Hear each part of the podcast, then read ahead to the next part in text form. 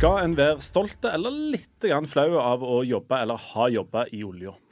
Og landsmøtesesongen i partiene den er over. Nå har vi kommet til det punktet der alle politikere og journalister går på fest med hverandre borte i Oslo. Men hvor står egentlig det politiske landskapet sånn i den lange valgkampen fram mot valget til høsten? Ja, altså Hvem er det som leder? Ja, hvem er det som leder, ja? Nå, nå, vi, vi skal jo ikke velge helt ennå, men um, det må jo være noen av disse partiene som leder. Noen må lede. Velkommen til Aftenbladet. Vi er da altså en podkast fra Aftenbladet som du absolutt bør uh, høre kolossalt mye på. I dag har vi med oss uh, kommentator Hilde Øverbekk. Kanskje har vi med oss uh, kommentator Harald Birkevold, men jeg kan opplyse om at det er ikke så tidlig på morgenen, men det er på formiddagen, og Harald Birkevold han er det ingen som har sett. Nei. Men han har jo hatt noe skrantende helse opp så Han kan jo, han gå og slepe på et bein eller et eller annet og prøve å liksom dra seg inn. Ja, og i går så sa han han skulle komme, så det blir løye å se om han dukker opp. Det. Men du, siden sist, eh, Leif Tore, vi klarer rett og slett ikke å komme utenom dette her. OK. For aller, aller siste gang. Og det kan jeg faktisk love som tidligere i hvert fall fan av Bon Jovi. Vi skal snart slutte å snakke om dem nå. Ja, du, det, dette her er jo eh, Jeg vet at dette her er litt sånn uh, mi gate, men, men Bon Jovi er jo først og fremst de grader. Og Ja. eh, du har jo vært eh, en eh, stor eh, tilhenger og fan av dette helt siden du var et, eh, et utskudd på Bryne som ung. Ja. Um, eh, hvordan er det å gå og endelig se en av de store heltene, og så er han Ikke noen helt lenger. Nei, det er jo ganske fælt. Og det, og det er det jeg har opplevd egentlig hver gang jeg har vært på disse stadionkonsertene, som jeg nå begynner å tenke mer og mer at det er et helt forferdelig format. Altså, det er ingen musikalske sammenheng der lyden er dårligere, der det er lenger til de du skal se på, der det er mer kaotisk, og der det egentlig er dårligere forhold for musikk, hvis det var det en var interessert i. Eh, og jeg har jo altså nå sett da eh, opptil flere band som jeg likte når jeg var eh, liten eller mindre, eller hvordan vi skal si. Eh, eh, og da snakker vi om både Kiss og Bon Jovi.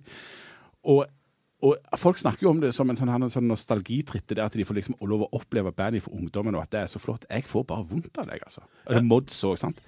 Eh, jeg jeg syns jeg, får ikke, jeg har ingen glede av det. Jeg syns mest det er smertefullt, rett og slett. Men du går. Altså, det, det Jeg går jo fordi at jeg får betalt for å gå. Eh, for jeg, det er jo helt åndssvakt.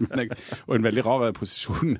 Hvis du hadde intervjuet en tolv år gamle meg om dette, så er det helt fantastisk. Jeg blir betalt for å gå på disse konsertene. For, ja, for det, på en måte er det living the dream, og så er det bare det at den drømmen blir så ettertrykkelig knust når du kommer der. sant? Ja, og så er det jo mulig at, at det at jeg går der på jobb, er med på å ødelegge eh, på måte opplevelsen. da, fordi at jeg går jo der med et annet utgangspunkt enn de som veiver rundt ut på gressmatta der i, i, i duskregn og, og 11 plussgrader, også med noe godt i glasset. For jeg holder ikke på med eh, noe godt i glasset eller sånn fest, liksom. Eh, Nei. men jeg er egentlig ganske dårlig på det òg, sånn massefest. Men, men det er jo eh, Altså, jeg har, jo, jeg har jo hørt litt på Bon Jovi igjen i det siste nå på noen sanger, og jeg, jeg mener fremdeles at Better Roses er en stor sang, som de jo ikke spilte. Og det var, det var fryktelig. Um, men men, eh, men det, jeg mener at det, jeg, jeg kan fremdeles like noe av det når jeg hører det nå, men den der eh, greia på stadion eh, på lørdag, det var egentlig bare trist, altså. Han, han kan jo rett og slett ikke synge. Og du, dette har vi, diskutert rundt, eh, rundt lunsjene våre. Og vi har ganske god tid, ganske god tid for å si det forsiktig. Ganske lange lunsj. lunsjer, ja. Um, disse folka som altså absolutt alle, med mindre du er 100% tonedøve, eller såpass, uh, har hatt såpass mange enheter at du rett og slett ikke klarer å høre etter, så hører absolutt alle som er der, at han selveste uh, synger dårlig. ja. Um, og han må jo vite om det sjøl, ikke sant? Og det er det som er så rart. Hvorfor i all verden går han på denne scenen? Hvorfor reiser de rundt på verdensturneen når det er helt åpenbart at han ikke klarer å synge dette lenger? Og det her med, med vår, vår gamle venn kapitalismen kommer inn i bildet, Ja. har vel vi konkludert med. Og vi har, vel, vi, har vel, vi har vel litt ulike konspirasjonsteorier om det. det er, dette er jo veldig dårlig funderte, eh, med å understreke personlige teorier. Ja. For, for min første tanke var jo at OK, da reiser de bare rundt og melker denne kua til være tørre, på en måte. Altså, eh, de, jeg tenker de har jo sikkert nok millioner til å betale både for grøten og salt i grøten, men uh, mye vil ha mer. Så, så, uh, men, men jeg syns det er litt sånn der, er trist allikevel, hvis du har vært en god musiker og god sanger, og så reiser du rundt og så leverer du noe som du vet er drit fordi at du skal tjene masse penger på det. Det var jo min teori. Men så hadde du en som var bedre. Ja, jeg vet ikke om han er Jeg, jeg tror kanskje det kan være noe i han. Altså, når, eh, når Whitney Houston var her, er, som jo virkelig var et havari på absolutt alle måter, så, um, så kom det fram i etterkant at hun hadde en avtale med plateselskapet og på en måte konsertarrangørene og alt dette, der hun hadde fått forhåndsbetalt en viss sum. mot at hun da leverte så og så mange album og så og så mange verdensturneer. Um, og man tror ikke det kanskje kan være måten ting blir gjort på. Altså at du, du avtaler i 2014 eller 2015 at uh, OK, nå får du uh, Hei, uh, Bon Jovi. Nå skal du få, her skal du få 100 millioner. Ja. Og de får du nå rett inn på, på kontoen, og så kan du ringe kontofonen og høre at du faktisk har 100 millioner. Og så skylder du da de som har betalt deg 100 millioner, x antall verdensturneer og plater. Og da er du på en måte sjakkmatt. Da må du bare gjennomføre dette, for ellers så forsvinner jo disse pengene. Ja, og det er nok Jeg, jeg begynte å se på denne Vinyl-serien, vet ikke om jeg kommer til å se den ferdig. Men, men, det er nok et element av, av mye kontrakter og mye sånne gjensidige forbindelser. Det er nok ikke bare han selveste Jon Bonjovi, selv om han er sjefen der, som, som er sjef helt over sitt eget liv og alt i hop. Altså, det, det er jo et stort system, og det er ganske mange folk som skal tjener ganske mye penger på at Bon Jovi er på verdensturné, helt uavhengig av mm. hvordan han ikke klarer å synge uh, 'Living on a Prayer'. Men, men det, må litt, det, må være litt, trist, fordi han er jo åpenbart en fyr som, uh, som kan dette med musikk. Mm. Og han hører jo at dette ikke er noe særlig. Så det må være, det må være litt stusslig å fyke rundt og vite at her fungerer alt unntatt meg, på en måte. Ja, det må være, det må være uh, biringt. Det er sånn ring, i sånn arv å legge inn. Men så er det igjen da det rare med den menneskelige psykologi at mange av de 25 000 som var der, hadde det strålende. Ja, og her har vi, her har vi vel, må man kunne si, utvikla en slags felles teori om hvorfor folk kommer ut allikevel tar to tobler opp. Ja, og det tror jeg eh, handler om det eh, begrepet innenfor psykologien som heter kognitiv dissonans. Som er en, en, livredder? Som er en livredder for de aller fleste ting. Du holder på med noe, og det er egentlig drit. F.eks. du røyker, men du klarer å finne på noen grunner for at det er fornuftig å egentlig røyke. Du er f.eks. på en konsert som er drit, men så har du betalt til sammen omtrent 2000 kroner for hele opplegget med, med billett og forspill og enheter og alt i hop. Da er det jo veldig dumt å gå ut etterpå og si at det var skikkelig drit. Nemlig. Og det er mye bedre for, for på en måte ditt eget velbefinnende å si at Eller finne, trekke fram alt det som var positivt. Du var sammen med folk, du var sammen med eh, folk du liker, du fikk uh, synge gaula, og du fikk litt i glasset og sånt. Og til sammen klarer du å lage dette til en aller tiders opplevelse. Ja. Og så er det jo vel omtrent så enkelt at hvis du, hvis du klarer liksom å hente fram den følelsen, så har du hatt det kjekt, og det er helt greit. Ja, og det er egentlig helt fint. Eh, det er jo bare vi journalister som ikke trekker fram det positive, men vi er jo en veldig rar eh, kategori, da. Ja, vi er en, eh, en sur, sur gjeng. Å, når vi først er inne på ja. Nei. Nei. det var en feil måte å introdusere deg på, Hilde, men um... ja, du, altså, Jeg er alltid veldig sur. Nei, men du, du, smiler egentlig eh, voldsomt mye, men, eh, men, eh, men yrket, vårt er nå, yrke, yrket vårt er nå å være litt skarpe av og til. Du um, um, Jeg liker å kalle det kritisk. Ja, men egentlig, egentlig, er det bare surt. Men det er greit. Du, um, uh, du er uh, kommentator her, og du har òg jobbet i mange år i energiavdelingen vår ja. uh, med olja. og for noen dager siden så skrev eh, Bård Vegar Solhjell, eh, altså den tidligere SV-politikeren som nå er generalsekretær i WWF, altså Verdens naturfond, en slags hyllest til oljearbeideren. Og dette kommer fra tungt eh, SV- og miljøhold. Eh, og der Han åpner med å si at det er ingen grunn til å rette pekefinger mot de som har sikra velstanden, men bør heller hylle dem. Og så kommer det lang, et langt forsvar for folk som har jobbet i olje og skaffet oss velstand. Har, um, har han et poeng at vi bør uh, hylle disse folka? Ja, absolutt. For um, det er jo Altså, vi hadde ikke vært der vi, vi er i dag uh, uten olje. Altså i ferd med å koke verden? jo, jo, du kan se, se, sånn på det, men uh, den velferden vi har i Norge, det er jo litt som Uh, du, kan, du, kan, liksom si at ja, men jeg skulle ikke ha begynt å røyke. Uh, men uh, det var jo ingen som visste dette når vi begynte med olja. og nå har vi jo sjansen til å utvikle noe nytt. Vi har sjansen til å være med på å endre verden fordi at vi har de folka og den kompetansen og teknologien som trengs til å komme videre.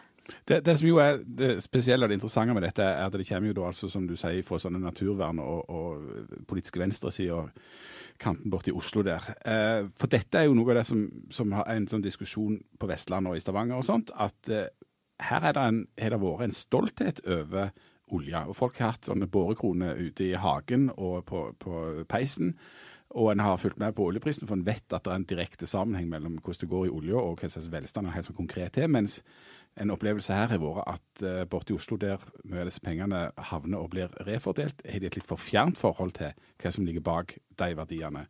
Uh, og at der er det jo blitt såpass politisk ukorrekt med olje nå at enkelte da går rundt og føler på en slags skam, skriver han Bård Vegar da om uh, Nå skal det sies at, at uh, Bård Vegar Solhjell vokste jo opp sjøl på Vestlandet, mm. så han har nok litt mer peiling enn de Det viser si at langt inni seg der så er det et skikkelig menneske. Langt inni der så er det men, men, en ekte vestlending og oljeunge. Men fins det en, en slags oljeskam?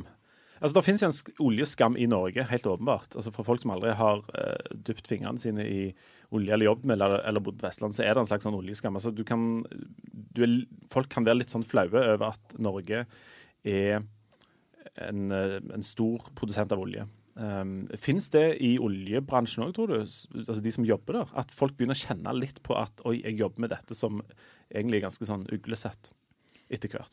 Ja, det, jo, det, har jo vært planer som har stått fram og fortalt eh, om at de eh, nesten ikke tør å si at de jobber i olje lenger. Eh, og, og, jeg har jo snakket med folk i Oslo. Der er jo noen oljeselskaper som holder til der, bl.a. Lundin, eh, Aker BP.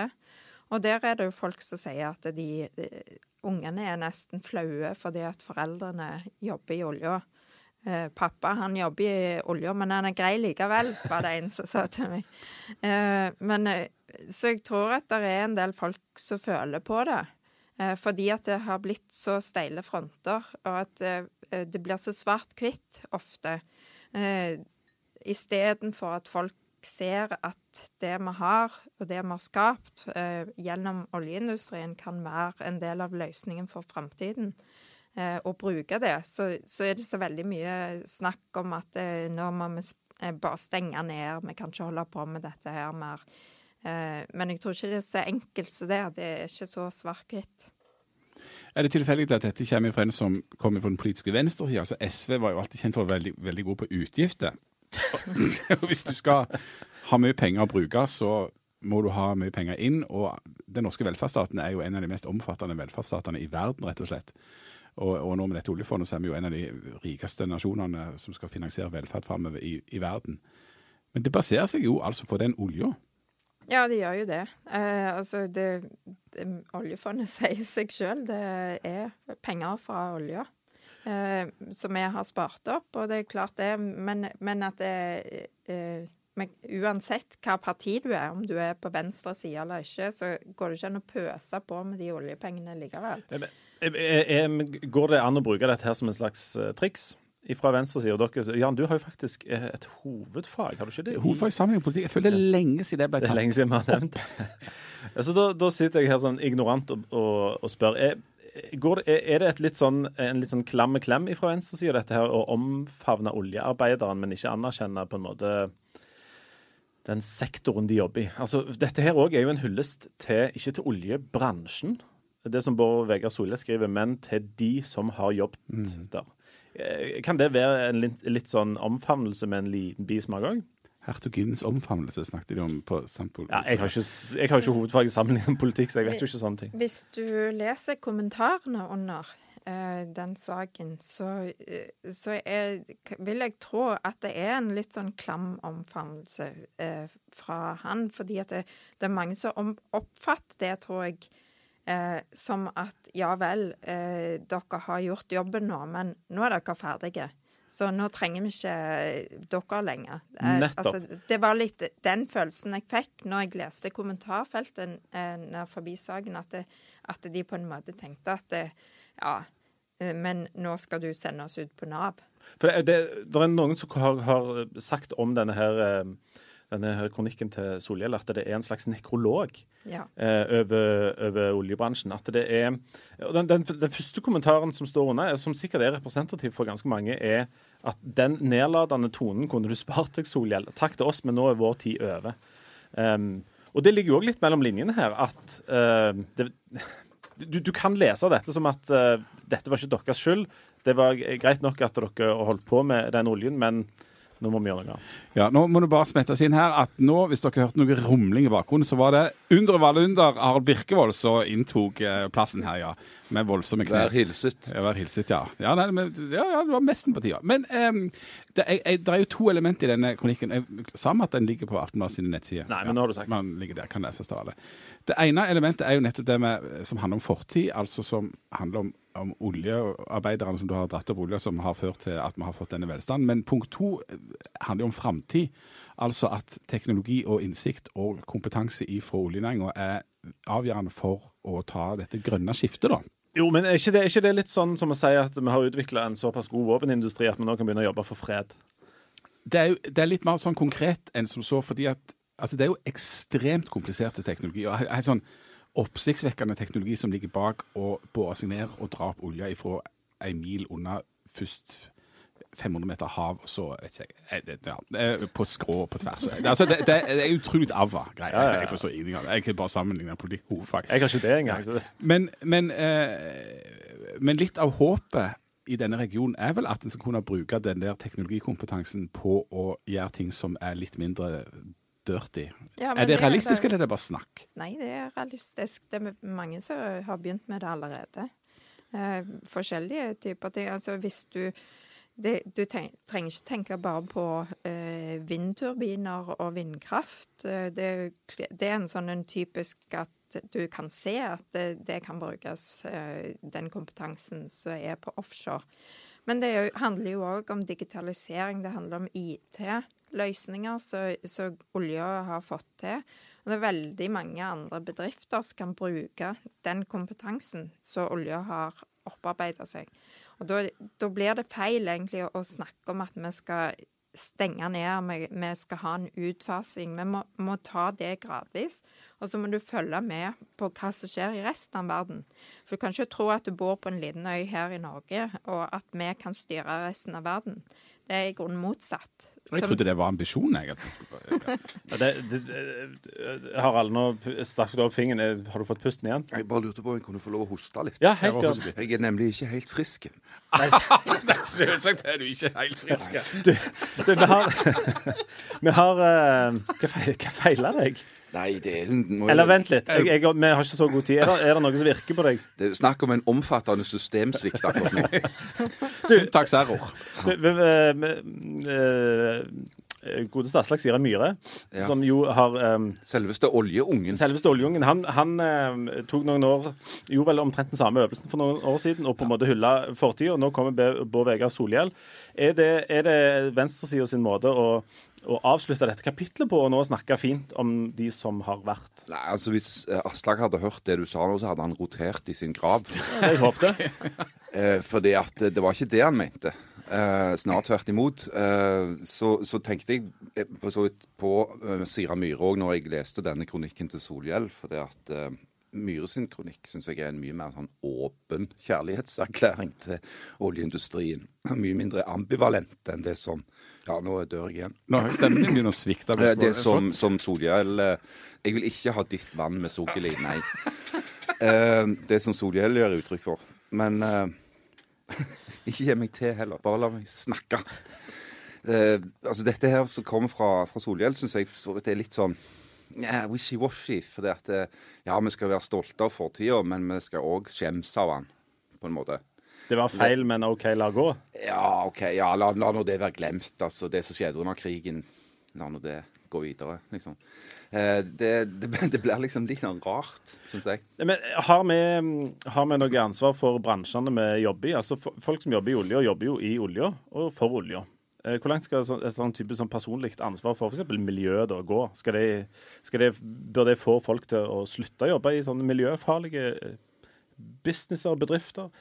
Er det fritt fram å jobbe i oljen? Og, det kan jo være med fra, på endringene. sant? Det er jo sånn som de holder på i Equinor, så er jo de unge som kommer inn der, har jo veldig lyst til å jobbe med eh, den fornybardelen.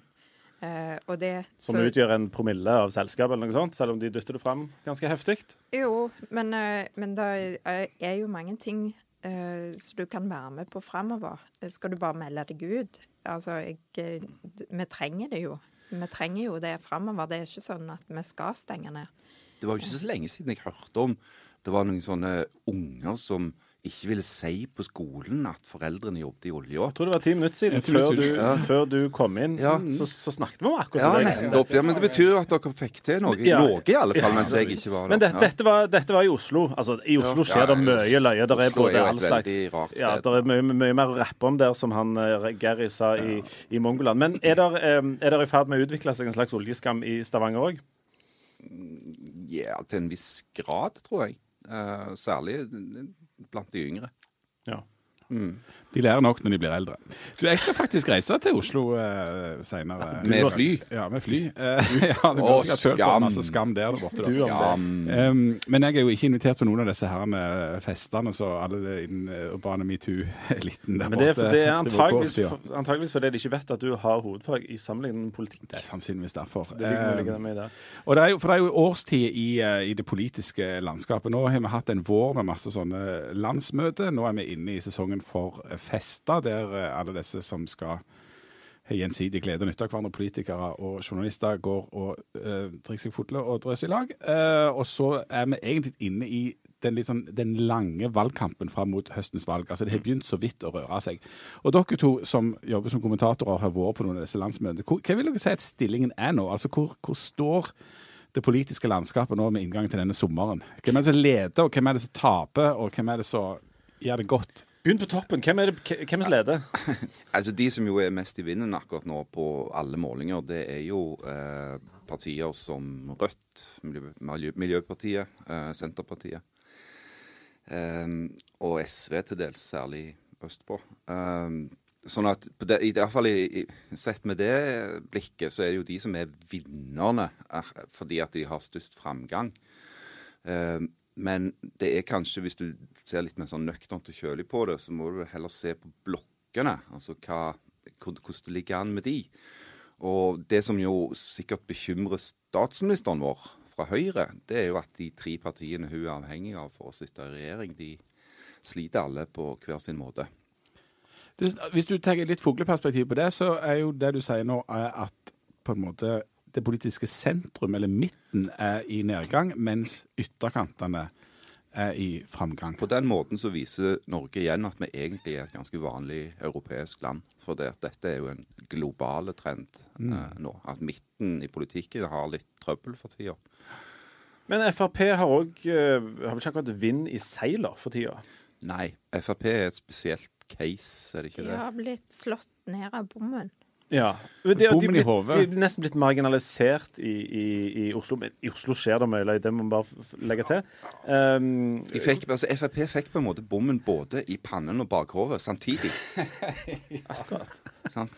Ja, for Det er jo merkelig at de, de imploderer som en følge av si, en av sine egne hjertesaker. ja. Ja, for de er jo, eh, de er jo i opposisjon mot seg sjøl. Ja. Men er, er, det det så, er det det som På er mange måter er Frp blitt det nye Venstre. Uff, det var stygt sagt. Ja, jeg, beklager det, jeg tar det tilbake. Er, er, er, er det der Frp Er det bommene som er i ferd med å spise opp Frp, eller begynner de, begynner folk, eller begynner de å få den der effekten av at de sjøl sitter i regjering og vedtar en del ting som de etterpå protesterer på? Hva er det som Altså, er Altså, mitt klare inntrykk er at det er først og fremst bommene som rir Frp som ei mare. I tillegg til at de har jo en, med, med, altså en, en viss motgang i at miljøsaken, klimasaken, òg er blitt mye, mye framme i bevisstheten hos mange. Eh, jeg tviler på at det har skjedd med Frp sine kjernevelgere. Eh, sånn at det, det store fallet der tror jeg nok først og fremst skyldes eh, bomsaken. Og kanskje til en viss grad den eh, trøtthet hos en del av velgerne som er på høyresida i Frp, eh, mot eh, det de mener også er en for liberal innvandringspolitikk eh, og alt dette her i tillegg. Jeg vet ikke om jeg har nevnt det, men jeg har hovedfag i sammenlignende politikk. Oi, oi, oi. oi. Og noe av det vi lærte der innenfor dette med valgstudiene, var at folk kan ha en tendens til å uttale seg og gi uttrykk for mer ekstreme holdninger, eller altså mer radikale holdninger i den ene eller den andre retningen, når det ikke er valg, altså i oppsangen til valget. Men at det er en tendens til å bli mer ansvarlig jo nærmere valgdagen kommer, og at den dagen du skal stappe lappen i bøtta, så har du blitt eh, mer sentrumsorientert på et vis. Er det eh, en sannhet som ikke gjelder lenger, eller, eller eh, Du så det i forrige stortingsvalg med MDG. For på alle meningsmålingene rett før valget så var de inne med flere kandidater på Stortinget. Eh, når det kom til valgdagen, så var det jo bare én som kom inn. Og det var det samme som tidligere. Mm. det samme det... skjedde jo for så vidt òg med Senterpartiet, eh, ja. som var ekstremt i vinden eh, pga. sau og caffè latte mm. eh, og ulv i, i månedene før, særlig på våren. Men så kom ikke dette store Eller kanskje den der bølgen kom litt for fort. Så han hadde på en måte fisla ut før valgdagen. Så det har du nok rett i, akkurat det, Jan. Men vil det si at folk, eh, folk, kommer til å strømme litt tilbake til de partiene de stemte på sist, og Arbeiderpartiet og Høyre kommer til å bli omtrent som de så store som de har vært, og så ser vi ikke de store svingningene? Det er jo noen målinger på bl.a. sånn bomparti og sånt som er helt, helt vanvittige. I Bergen er, De er jo verdens største parti i Bergen, f.eks. Ja, ja. Som, som um, og, og, får, er vel på 20-tallet. Kommer de til å ende opp med 4 allikevel? Det, det, er vanskelig å si. For uh, her i Stavanger så hadde vi jo den, den sist gang, sist uh, ja. lokalvalg. Så plutselig så fikk uh, bompengepartiet 15% på Hundvåg. Jeg husker vi måtte liksom rykke ut til valgvaken som de hadde. For vi så jo at de kom til å komme inn i bystyret. Og det, da var det en litt sånn stemning her. Men, men jeg lurer på om ikke kanskje vi har kommet litt lenger i den utviklingen enn Bergen, og at kanskje i Bergen så kommer de til å komme inn med, med en del. Men jeg tror òg det er en del på valgdagen som tenker at det, ja, kanskje det ikke var så lurt likevel. Mm. Altså, jeg tror det er to grunner til at vi i alle fall kan forvente en viss framgang for Fremskrittspartiet. Det, og Da tenker jeg særlig fordi at det er lokalvalg. Eh, fordi at på våre kanter så klarte Fremskrittspartiet ganske tidlig å få på en måte kontroll i gåseøyne over den der nok er nok-bevegelsen. Sigurd Sjursen, som grunnla det, ble jo rekruttert til Frp i Sandnes. Dessuten så er det nok bare et spørsmål om tid før eh, strategen i Frp henter fram de riktig store kanonene. Og da tenker jeg særlig på Sylvi Listhaug som kan få lov å snakke litt om, eh, om innvandring og eldre som ikke har eh, enerom, og, og, andre sånne ting som de pleier å gjøre når det går litt imot. da. Det er interessant at vi sitter her og snakker om disse partiene som ligger ganske langt ute, og at eh, Ikke ganske langt ute, men, men, men det er liksom ikke midt i sentrum, og det er ikke de store. Og så er de sakene vi snakker om, er de sakene som de er opptatt av. Det er altså ikke Arbeiderpartiet, Høyre og det politiske sentrum sine saker som vi diskuterer ikke de, Det er ikke de partiene vi diskuterer. Og når vi skal diskutere saker, så er det de sakene som handler om de altså, som er altså Miljøpartiet De Grønne eller Bompengepartiet eller Frp eller noe sånt som dette her. Det må jo være et stort problem for Arbeiderpartiet og Høyre og det politiske sentrum at de må stort sett bare forholde seg til alle disse angrepene fra kantene. Mm. Ja, jeg er enig i det. Uh, altså Høyre har jo valgt nokså bevisst å jeg vet ikke om vi skal kalle det for å tone ned sin egen politikk, men de har nok tilpassa sine vedtak på landsmøtene de siste åra. At de vet at de er avhengig av å sitte i en regjering med flere deltakere. Og at det, blir nesten altså Den politiske dynamikken er på en måte sånn at de hjertesakene til de støttepartiene blir på en måte viktigere da, i, i miksen. Og så skal Erna Solberg og Høyre være liksom, den, den ansvarlige voksne så, så for å styre denne skuta og sørge for at det går så noenlunde fra dag til dag. Eh, og, og, og, Det er jo kjedelig og lite glamorøst, men det er jo noe vakkert over det. For det er jo det som er kompromisset og samlinga om et eller annet felles, da, selv om Ja, det kan du si. Uh, og i Stavanger så har vi jo en litt tilsvarende situasjon med, som Arbeiderpartiet befinner seg i. Sant? Som òg er helt avhengig av å finne støtte fra ulike partier, både til venstre for seg sjøl og til høyre for seg sjøl.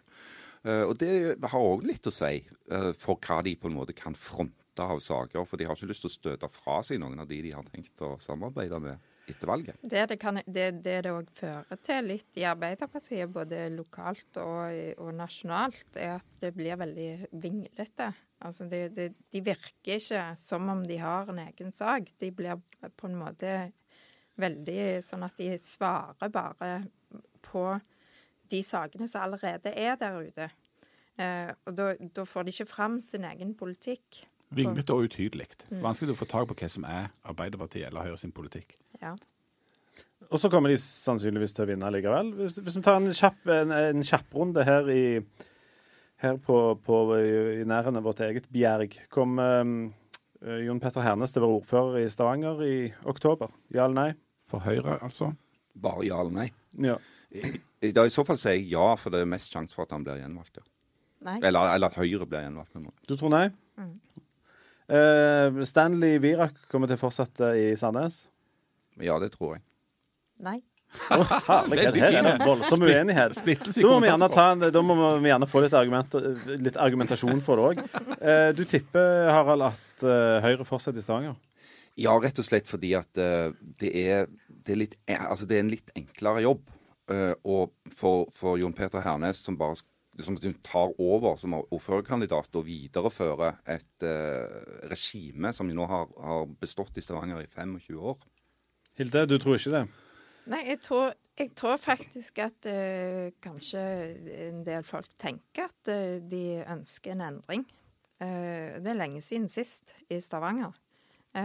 og det, ja, det er ofte sånn når du har hatt samme partier som har styrt i mange år. Men jeg tror òg at sånn kommer Rødt inn, litt nytt, frisk pust, og så har du den, eh, mange som er klimaengasjerte, kan kanskje stemme på MDG eller andre partier eh, som er på den sida. Eh, og at de klarer da etterpå å, å komme til en enighet. Ja, Dessuten så er det jo en del som henger på hva slags veivalg eh, Senterpartiet tar. Ønsker de å støtte Høyre eller Arbeiderpartiet? Det er jo foreløpig uavklart. Hva veivalg tar eh, eh, bompengepartiet? Det er uavklart. Sånn at det er en del eh, X-faktorer som kan vippe det den veien som, som Hilde da tipper. Og så eh, en liten tur innom Sandnes òg. Virak og Borgli de representerer vel òg noen partier, men det er, stor, det er mye ja, det, er jo, det er jo verdens rareste allianse. Arbeiderpartiet og Frp. Ja, Som jo ikke skulle gå sammen i det hele tatt. Og så er de eh, unektelig kjempepopulære i Sandnes. Ja. Og de er jo det. Eh, og jeg tror at det er en god sjanse for at den konstellasjonen òg får flertall, eh, med støtte for f.eks. Senterpartiet, sånn som de har i dag. Nå, nå, sa jeg litt nei. For, for å være uenig. Men for, for uenige. så sa jo at du var litt sur. Nå vet dere, nå vet dere hvordan jeg har det. Sånn. Mm. Men du tror, at, tror, du at Høyre kan gjøre et voldsomt comeback og lokke noen av disse nei, med seg? Jeg, jeg tror at de, de, har en ny ordførerkandidat. Og jeg tror at de, ja. Jeg tror at de kan gjøre det bedre. Eh, mm. Men, men, det er òg vanskelig å si. Men, men, jeg ser jo at, de, at Ap og Frp kan komme til å fortsette i Sandnes òg. Jan, hvilket parti røyster du på? Det er hemmelig. Hemmelig. Hva stemmer du på? Uh, nei, det er òg hemmelig, men jeg kan røpe at jeg ikke jeg, jeg har ikke vært sånn 100 trofaste. Nei, Også, nei, det er ikke jeg heller. Nei, Og så har jeg en god tendens, akkurat som i den personlige økonomien, til å havne i motvind hele tida. Så jeg, jeg røyste nok på, på, ikke på de som går så voldsomt fram alltid. Og så er ikke alltid jeg, eh, jeg, jeg, jeg skiller nok litt mellom lokalt og nasjonalt, faktisk. Mm. Det er sikkert veldig illojalt. Jeg tror mange, jeg tror mange lokalt uh, stemmer på personer vel så mye som de stemmer på parti. Ja. For eksempel. Det, det tror jeg. Harald Birkevold, hva parti stemmer du på? Det vil jeg ikke si. Uh, delvis fordi at jeg ikke vet. Hei. Men uh, jeg kan si så mye som at jeg har stemt på fem forskjellige partier Oi, uh, i mitt liv. Ja. Hilde? Nei. Er, som kommentator så er det ingen kommentar, og jeg har stemt på mange forskjellige partier. Oh, men, men, men jeg mener jo at det er veldig vanskelig i Stavanger mm. eh, i år, hvis du eh, skal velge et parti. Mm. Og det skal du. Ja, det skal du faktisk. ikke helt ennå. Nei, ikke helt ennå. Uh, hva parti tror du Bon Jovi hadde stemt på, Jan? Du har jo sammenligna politikk og Bon Jovi-kompetanse. Han var såpass sur på, på, den lørdagen at han ville stemt på Han var jo kjempeblid. Han bare sang surt. Han, han, hadde jo et bemerkelsesverdig godt humør. Så han hadde nok stemt Venstre. På, på Venstre, ja. Fordi han var både på en måte mange ting på en gang? Ja, både glad og sur på en gang. Okay. Dette var jo veldig opplysende på absolutt alle vis. Takk alle som eh, kom. Eh, Harald for kom for halvparten av innsatsen, og Hilde for hele innsatsen. Og så er vi tilbake eh, neste uke, og da kan vi garantere at det blir Bon Jovi for it. Det blir det. Vi snakkes. Ha det. Lykke til. Ta det.